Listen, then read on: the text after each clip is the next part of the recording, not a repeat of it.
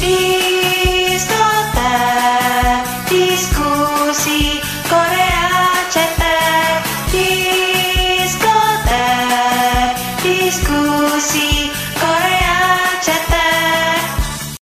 Anyong Yorobunda Di episode ini sesuai judul gue mau nge-review dramanya Cha Anu Atau mungkin nanti di episode ini gue bakal sering nyebutnya Nunu. Biar lebih akrab. Yang judulnya A Good Day to Be a Dog. Sebenarnya ini panjang banget. Kalau di bahasa Koreanya mah simple sih. Oneldo sarang serop G Em, Sebenarnya kalau secara keseluruhan gue rada kesel banget nonton drama ini. Karena ya akhirnya selesai ya nu.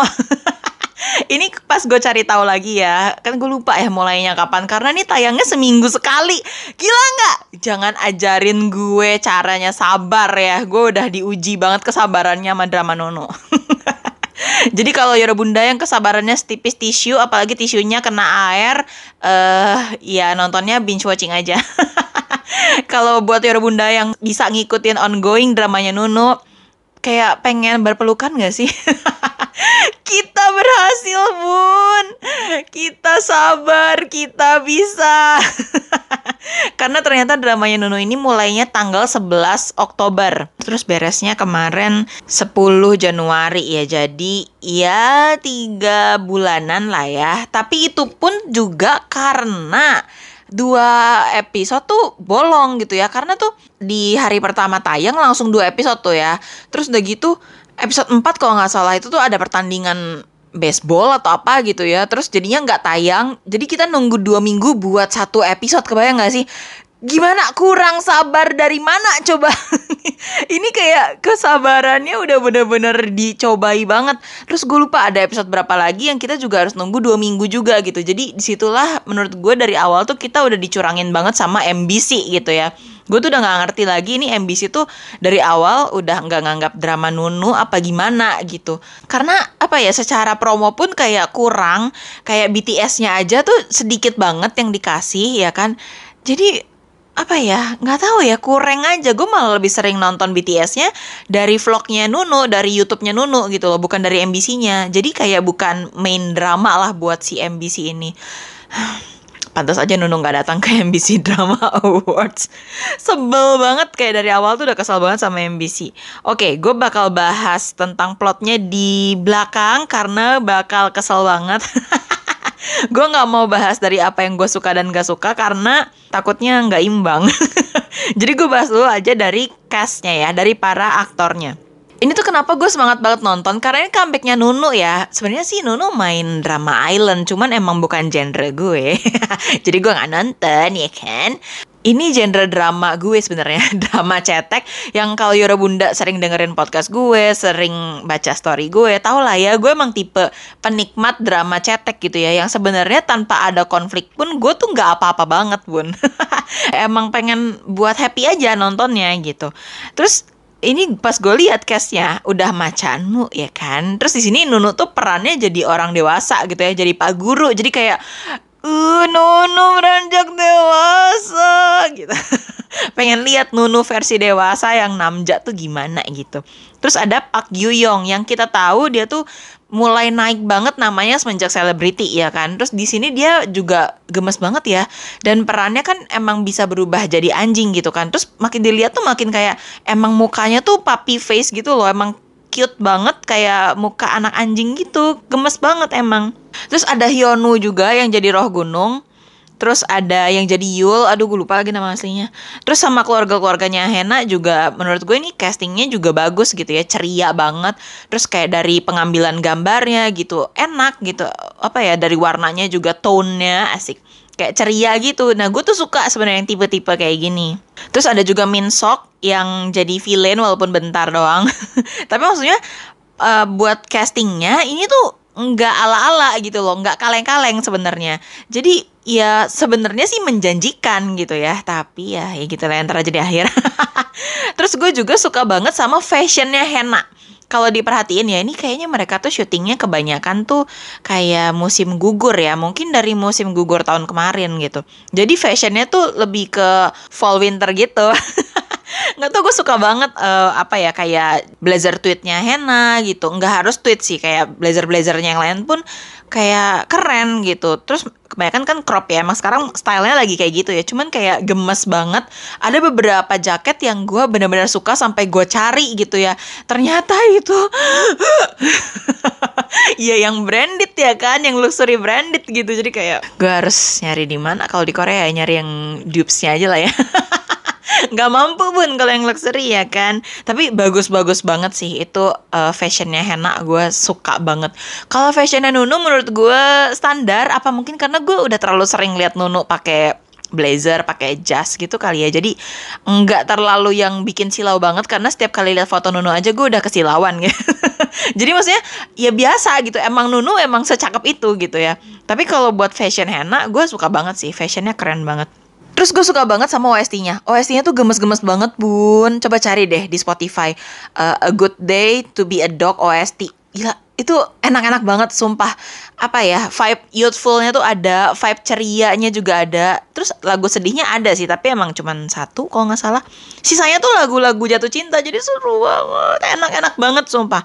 Yang dinyanyiin sama Nunu, ih gue suka banget. Sebenarnya itu lagu remake ya, Bun. Lagu zaman bahela yang judulnya Jealousy. Tapi di versi yang zaman bahula tuh genrenya slow rock gitu loh. Nah, dinyanyi Nunu versinya lebih uh, jadi akustik, lebih cepet juga temponya. Gue lebih suka. Jujur itu sering banget gue dengerin sih kalau gue lagi di perjalanan gitu. Gue suka banget. Terus juga gue suka banget yang dinyanyiin sama Melomans. Itu suaranya Melomans tuh kayak kalau lagunya sedih bikin langsung sedih. Kalau lagunya yang emang tentang jatuh cinta bikin langsung meleot gitu. Gila ngefans banget sih Meloman suaranya luar biasa sih. Terus yang dinyanyiin sama Woody, sama Mini, sama Jonggi gue juga gue suka semuanya. Dengerin aja bun di Spotify banyak itu. Enak-enak banget OST-nya, sumpah ini enak-enak banget. Terus masuklah kita ke pembahasan tentang ceritanya. Aduh, bingung banget nih. Sebenarnya tuh awal-awal tuh gue suka suka banget malah karena ini webtoon banget kan bun ceritanya. Hmm, emang dari webtoon gitu. Setiap scene-nya pun disamain banget sama webtoonnya gitu. Awal-awal gue suka banget suka banget. Mungkin buat orang-orang ngerasa ini pace-nya slow gitu ya. Jatuh cintanya lama segala macam gitu. Tapi jujur kalau gue sih mungkin karena gue suka ya sama yang slow burn kayak gini jadi buat gue nggak apa-apa banget. Buat ditunjukin proses jatuh cintanya lama tuh nggak apa-apa banget. Karena emang in real life ya nggak tahu ya kalau Yora Bunda. Tapi kalau gue pribadi tuh ya nggak secepat itu buat jatuh cinta gitu loh. Emang ada prosesnya gitu. Ada yang apa ya gemes-gemesnya dulu ada denial denialnya dulu gitu. Ada kalau ini kan ada yang Nununya kayak benci dulu gitu kan. Ya ya standar sebenarnya gitu. Tapi gue suka ditunjukin proses itu tuh gue suka gitu. Terus pas tahu ternyata Nununya udah suka dari pandangan pertama itu juga menurut gue malah makin bikin gemes gitu. Kayak apaan sih? Sebenarnya gue udah tahu kenapa Nunu dingin banget ke Hena eh gue harusnya jangan bilang Nunu ya Sowon ya. Kenapa Sowonnya dingin banget ke Hena awal-awal sebenarnya gue udah feeling ini pasti karena dia tuh suka gitu. Tapi Henanya kan bilangnya suka sama Pak Li ya sama si Hyunu itu perannya roh gunung itu kan. Cuman jadinya ya lucu aja gitu pas ditunjukin flashback ternyata Nunu tuh suka eh Sowon tuh suka dari pandangan pertama gitu. Di situ gemes banget. Sebenarnya sampai episode 6 7 itu gue masih ngerasa kayak gila ya ini drama. Kalau ditayangin kayak drama pada umumnya yang dua kali seminggu gitu ini menjanjikan banget loh ini bisa jadi drama yang hits loh bisa banyak shippernya lah bisa booming lah gitu ya. Tapi ini gara-gara ditayanginnya seminggu sekali terus menurut gue gara-gara kalau ada tayangan sports apa ya ini kayak dikesampingkan gue tuh ngerasa ini kayak kayak cadangan gitu dan nggak tahu ya karena gue juga nggak nontonin MBC terus cuman setahu gue zaman sekarang tuh stasiun TV juga banyak yang kekurangan acara sebenarnya gitu. Jadi akhirnya mereka tuh ngulang-ngulang drama yang udah lama atau ngulang-ngulang drama yang udah tayang ya misalnya tayang kemarin malam pagi tuh bisa ditayangin lagi bun di stasiun TV tuh. Sakingan zaman sekarang tuh susah banget buat bikin acara gitu ya Tapi kenapa drama ini kayak nggak dapat slot gitu? Kenapa drama ini tuh kayak cadangan buat MBC gitu? Gue nggak yakin sih MBC jadwalnya full. Sumpah nggak yakin banget. Maksud gue kayak kenapa nggak disisihin ya dua hari buat drama Nunu gitu? Apakah sesusah itu gitu? Makanya nih awal-awal gue merasa sayang banget gitu. Walaupun ke akhir-akhir kayak eh pantas aja. Cuman ya itu awalnya tuh gemes banget bun tentang uh, percintaan mereka gitu ya. Terus gimana usahanya Hena supaya si Sowon mau cium dia waktu dia jadi anjing gitu ya. Jadi ya gemes gitu dengan dibantu sama Yul yang notabene emang ponakannya Sowon gitu. Yulnya juga gemes banget malah ikutan meleot sama Hena gitu. Jadi kayak gemes. Yang meranin Yul tuh gemes banget sih. Pantesan kata Gyuyong sama Nunu emang aslinya juga dia gemes banget itu tuh mereka cerita cintanya tuh saking gue sukanya ya. Gue tuh suka banget sama scene yang uh, pas mereka ini loh jadi ceritanya Sowonnya kan belum terlalu lancar nyetir terus mereka kondangan nah itu juga gue suka.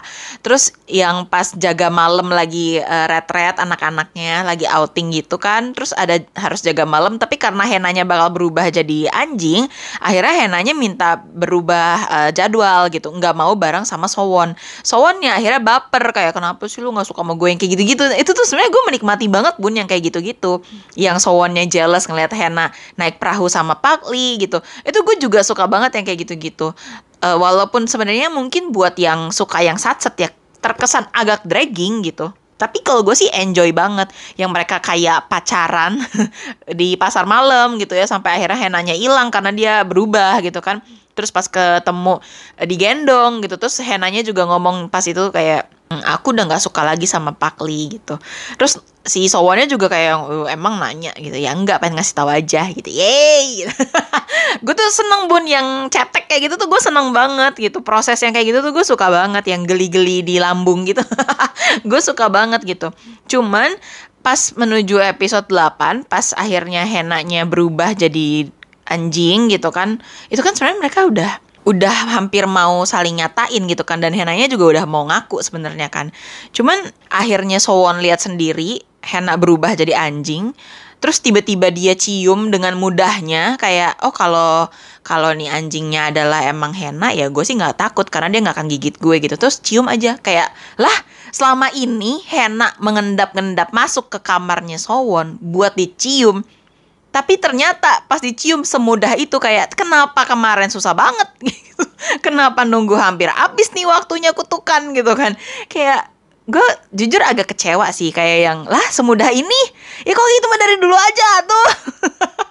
Kenapa ribet banget kemarin-kemarin? Astaga. Walaupun kekesalan itu langsung terhempas karena habis itu epilognya bikin gue sampai kaget kayak hah? Bentar ini Nunu apa gue ulang lagi kaget apa doyan karena di situ tiba-tiba kayak uh, Henanya minta cium lagi layaknya pasangan terus Nununya kayak kalau cium lagi nanti berubah lagi enggak Enggak, kalau udah selesai kutukannya gue bisa ciuman ratusan sampai ribuan kali. Terus kayak, hah ratusan ribuan kali. Terus langsung lah mereka mukbang. itu gue kayak OMG Nunu OMG OMG ini gue apa udah lama banget yang gak nonton drama Nunu apa emang baru di sini? Jago banget. Dan gue nggak merasa ada awkwardness sedikit pun dari Nunu. Malah gue merasa ada awkwardnya itu dari Gyuyongnya ya. Gue nggak ngerti ini Gyuyong tuh hmm, jujur gue nggak terlalu banyak nonton drama Gyuyong ya. Cuman gue ngerasa harusnya Gyuyong bisa lebih baik dari itu gitu loh. Cuman mungkin Gyuyong takut dimarahin fansnya Nuno kali ya. Apa gimana ya? Gue ngerasa kayak kayak takut-takut banget gitu loh buat ngebalas Nunu. Padahal Nununya udah semangat banget nih kayak lahap-lahapannya gitu kan kayak sampai Nunu apa sih? Kok tiba-tiba jago latihannya sama siapa? Semua langsung overthinking kan.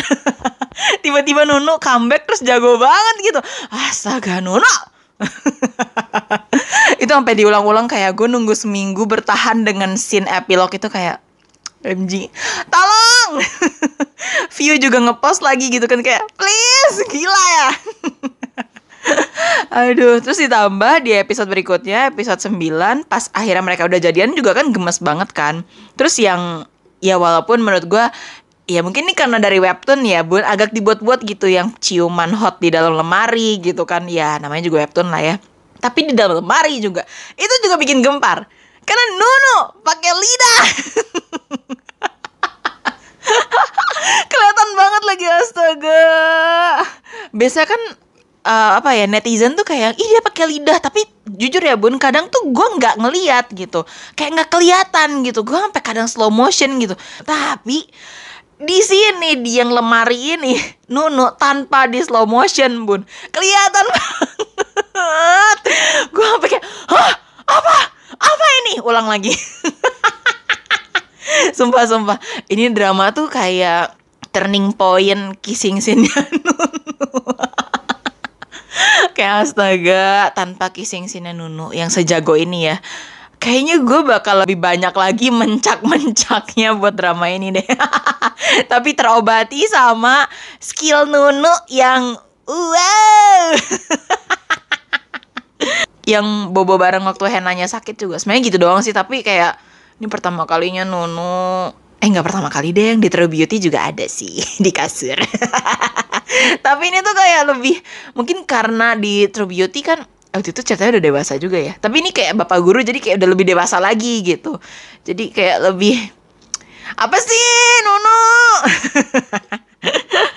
terus dia tuh gemes banget kan pas jadian gitu. Tapi gue tuh berharap selesainya di episode 8 aja gitu. Pas dia akhirnya meruntuhkan kutukan Hena gitu. Kayak oh udah nih udah selesai gitu. Akhirnya emang ya masalah besarnya kan itu kan Hena dikutuk dan gimana caranya kutukannya selesai gitu ya hilang sama si yang nyium dia.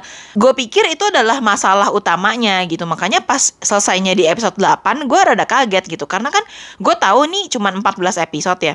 Jadi kayak kok setengah kayak 60 persennya drama baru tayang udah selesai masalah utamanya gitu.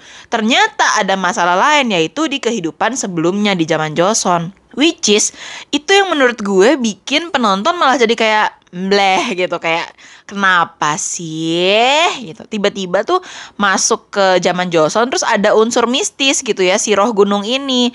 Terus ditambah plot twist yang ternyata si kepala sekolahnya adalah pelayannya. Terus ada murid yang pinter tarot itu yang si cewek itu juga ternyata itu dulu eh, ini ya kayak pacarnya si roh gunung ini gitu loh Terus jujur aja ya bun, Yura bunda yang sering dengerin gue, yang sering baca story gue, pasti tahu kan kalau gue tuh nggak bisa nonton sagek gitu. Susah banget genre sagek buat gue tuh entah kenapa ya nggak terlalu suka aja gitu. TMI sedikit ya bun, kenapa gue nggak terlalu serak sama sagek karena ceritanya tuh biasanya tentang perebutan kekuasaan, terus pasti ada darah-darahan gitu ya, peperangan segala macam gitu. Terus biasanya juga cinta yang nggak sederajat gitu. Ya kurang lebih itu seringnya kayak gitu gitu. Jadi apa ya nggak tahu ya buat gue kayak kurang bisa aja ditambah lagi mereka juga cara ngomongnya biasanya lebih kaku, lebih slow dan gue yang ngerti sedikit bahasa bakor bahasanya tuh beda banget sama bahasa zaman sekarang gitu. Jadi ya ya itulah bun kenapa gue tuh nggak terlalu bisa nonton sagek gitu ya. Susah banget lah. Dan biasanya kalau nggak terpaksa banget gue tuh aduh gue nonton sagek full kayaknya cuma Love in the Moonlight deh sisanya gue kayaknya gue nggak pernah nonton full sagek biasanya yang semi semi kayak gini aja gitu. Tapi ya ya itu ya pas sagek di sini menurut gue episode 10 kalau nggak salah ya mulai kayak hampir satu episode tuh full sagek kayaknya 10 sampai 12 gitu ya kayak banyakan sageknya gitu dibandingin eh, yang zaman sekarangnya dan di situlah gue kayak aduh berat banget bu nontonnya kayak cuma lima menit gue pause bentar dulu bentar dulu. Gue kayak ngapain dulu biar ngilangin bosen dulu. Lanjut lagi gitu. Jadi bisa dibilang ya jujur aja gue nontonnya tuh jadi nggak fokus gitu. Karena intinya mah ya dia cuman sebel si ceweknya dibunuh gitu. Yang ternyata sebenarnya salah sangka gitu ya. Emang ceweknya yang menjatuhkan diri gitu ya. Bukan yang dibunuh sama Gyu Yong di versi zaman bahela gitu. Ya jadi kayak terlalu apa ya dragging lama banget scene sageknya tapi sebenarnya scene itu itu aja gitu. Dan menurut gue di zaman Joseonnya sebenarnya nggak terlalu penting diceritain cerita cintanya si Sowon sama Henanya gitu. Kayak nggak usah sepanjang itu ngebahas mereka jatuh cintanya gitu loh menurut gue. Jadi ini terlalu dragging terlalu lama dan menurut gue ini berulang-ulang. Terus buat gue yang nggak terlalu bisa sagek terus nontonnya juga udah nggak fokus udah gitu gue ngeliat juga banyak scene yang berulang makin ini naon sih Kenapa diulang-ulang terus gitu loh? Kayaknya tuh sini sama terus Yang selalu kayak Nununya eh, menghadang para yang ngejar-ngejar Gyuyong gitu. Jadi kayak sama terus di situ. Terus kayak scene si ceweknya mati eh, jatuh ke jurang juga itu terus gitu yang ditayangin gitu. Walaupun sampai akhirnya di episode 13 ya akhirnya ketahuan semua ternyata salah sangka. Dan itu pun di episode 13 gue juga rada malesnya kayak yang apa sih kayak diada-adain banget gitu tiba-tiba Henanya lupa ingatan. Padahal tadinya katanya yang mau dihapus ingatannya tuh dua-duanya ya Hena sama Sowon tapi akhirnya cuman Hena doang. Itu juga gue rada kayak ini kenapa sih si roh gunung tuh maunya apa? Bukannya dia bencinya sama si Hena ya? Kok tiba-tiba dia benci juga sama Sowon? Masanya Sowon di zaman Joseon udah metong juga gitu. Apalagi sih gitu loh. Ini malah balas dendam kesannya kayak yang lu juga harus ngerasain rasanya kehilangan orang yang lu cinta gitu kayak naon sih gitu kenapa sih selesaiin aja di masa lalu gitu loh dan itu kan Sowonnya juga udah metong dan sebenarnya kalau dia mau balas dendam sama Hena, kan Hena juga udah dikutuk ya, seberapa turunan tuh kan, dikutuk jadi anjing gitu. Terus udah gitu, Henanya juga eh, bisa dibilang waktu di zaman Joseon kan sedih juga kehilangan Sowon gitu kan. Jadi menurut gue tuh kayak udah cukup gitu, kenapa lo masih balas dendam dibawa sampai kehidupan sekarang gitu. Dan kenapa dibawanya tuh sampai udah berapa keturunan gitu kan kayak dari zaman Joseon ke zaman sekarang kan pasti udah ratusan tahun gitu kan udah berapa keturunan kenapa baru di keturunan yang sekarang nih lu balas dendam gitu agak nggak make sense tapi balik lagi nih webtoon. Jadi sebel sebenarnya. Terus pas akhirnya si roh gunungnya tahu oh gue ngelakuin kesalahan gitu ya. Akhirnya udah aja. Henanya inget aja gitu kan. Oh, balik lagi ingetannya. Terus Sowonnya ya udah aja gitu. Jadian lagi gitu kan. Terus ya ya udah gitu. Akhirnya penyelesaiannya gitu aja. Apa ya kayak terlalu berbelit-belit tapi sebenarnya kayak salah sangka doang gitu. Jadi naon sih sebel. Terus udah gitu di episode terakhir juga menurut gue nih endingnya tuh nggak meaning banget gitu. Nggak ke mana-mana gitu. Maksudnya apa ya dibilang Nunu akhirnya disetujuin sama orang tuanya Hena juga eh dari awal emang gue nggak merasa akan ada penolakan gitu ya. Ya gimana ya bun? Bentuknya kayak Nunu masa ditolak sih? Kalau gue tiba-tiba bawa cowok bentuknya kayak Nunu juga emak gue sungkem kali malah emak gue yang sungkem ya. Jadi apa ya, ya nggak mining gitu. Terus ditambah di episode 14 itu panjang nggak mining oke balik lagi gue sebut nggak miningnya berapa kali nih. Karena uh, apa ya awal-awal ya oke Henanya udah balik lagi ingatannya udah pacaran lagi akhirnya sama Soon. Terus udah gitu yang random ya pamannya Hena jatuh cinta sama si guru genit itu ya kan? Terus random juga si pamannya Hena kan kutukannya udah selesai kan? Dia udah jadi orang tapi tiba-tiba ngegonggong lagi gitu kayak ngapain gitu? Dan ini jujur ya bun mungkin maksudnya buat ngelucu tapi nggak masuk bun ke gue. Humornya beda gitu kali ya buat gue garing loh kayak naon sih? Nggak lucu gitu. Jatuhnya maksa gitu loh. Terus juga ada bagian yang maksudnya buat ngelawak tapi maksa. Itu pas partnya Nunu. Maaf banget ya Nu. Tapi ini maksa banget. Uh, ini loh yang pas bagian dengan randomnya tiba-tiba si casting directornya Singles Inferno datang ke sekolah nawarin Nunu buat ikutan gitu ya dating show. Aneh banget dan itu tuh sebenarnya Singles Inferno bun cuman kayak diplesetin gitu namanya. Pokoknya ada jiok-jioknya gitu. Jiok kan neraka ya Inferno. Cuman awalnya apa gitu? Pokoknya bukan solo jiok. Kalau solo jiok tuh Singles Inferno bahasa Koreanya gitu. Tapi kalau itu tuh dia kayak diubah gitu jadi apa gitu? Gue lupa deh. Pokoknya ada jioknya juga. Jadi anggaplah kayak Singles Inferno gitu ya. Terlalu random.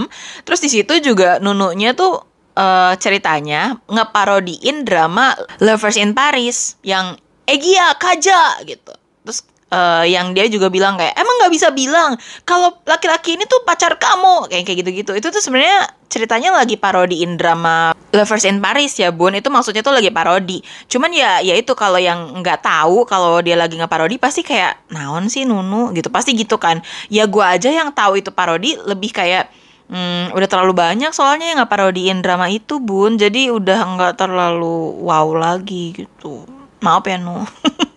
Cuman ya jadinya cuman panjang maksa nggak jelas. Intinya biar akhirnya si para guru tahu kalau mereka jadian gitu. Which is para guru juga udah pada tahu gitu. Jadi kayak naon gitu. Terus udah gitu ada pertunjukan uh, kayak pentas gitu si anak-anak SMA-nya yang ceritanya tuh menceritakan kisah cintanya Hena sama Sowon gitu. Nah kita tuh kan udah nonton tuh ya pertunjukannya ya kan, pas di teaternya.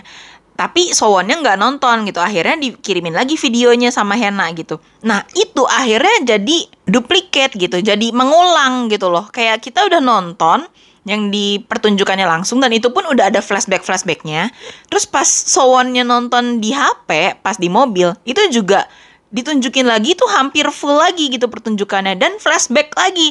Sedangkan flashbacknya cerita Hena sama Sowon itu juga udah pernah waktu pas Henanya tiba-tiba inget lagi gitu.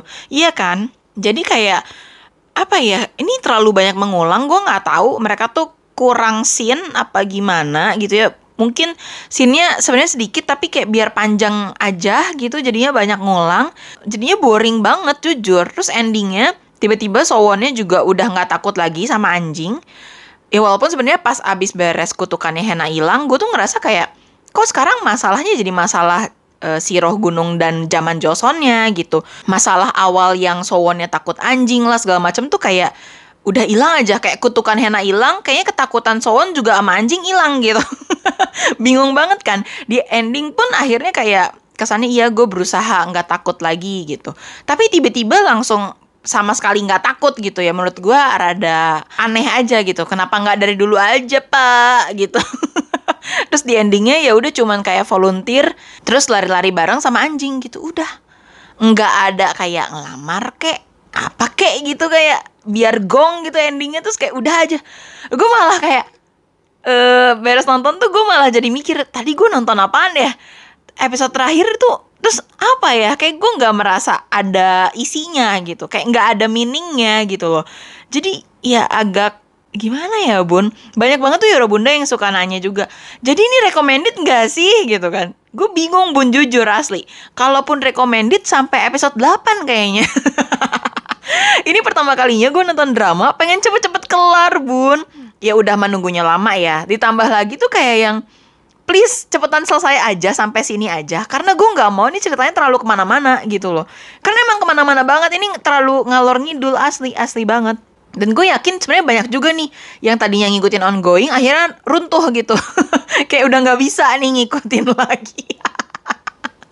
Gue akhirnya mikir lagi gitu ini kan dari webtoon yang terkenal ya. Karena kalau webtoon yang nggak terkenal nggak akan dibuatin drama kan bun. Mungkin pembaca webtoon pun kayak ini kali ya ketipu kali ya kecele gitu. Awal-awal lucu gemes tapi kok ending gitu ya. Ya gue nggak tahu sih ini pembacanya sampai akhir tetap banyak apa enggak gitu apa banyaknya di awal doang.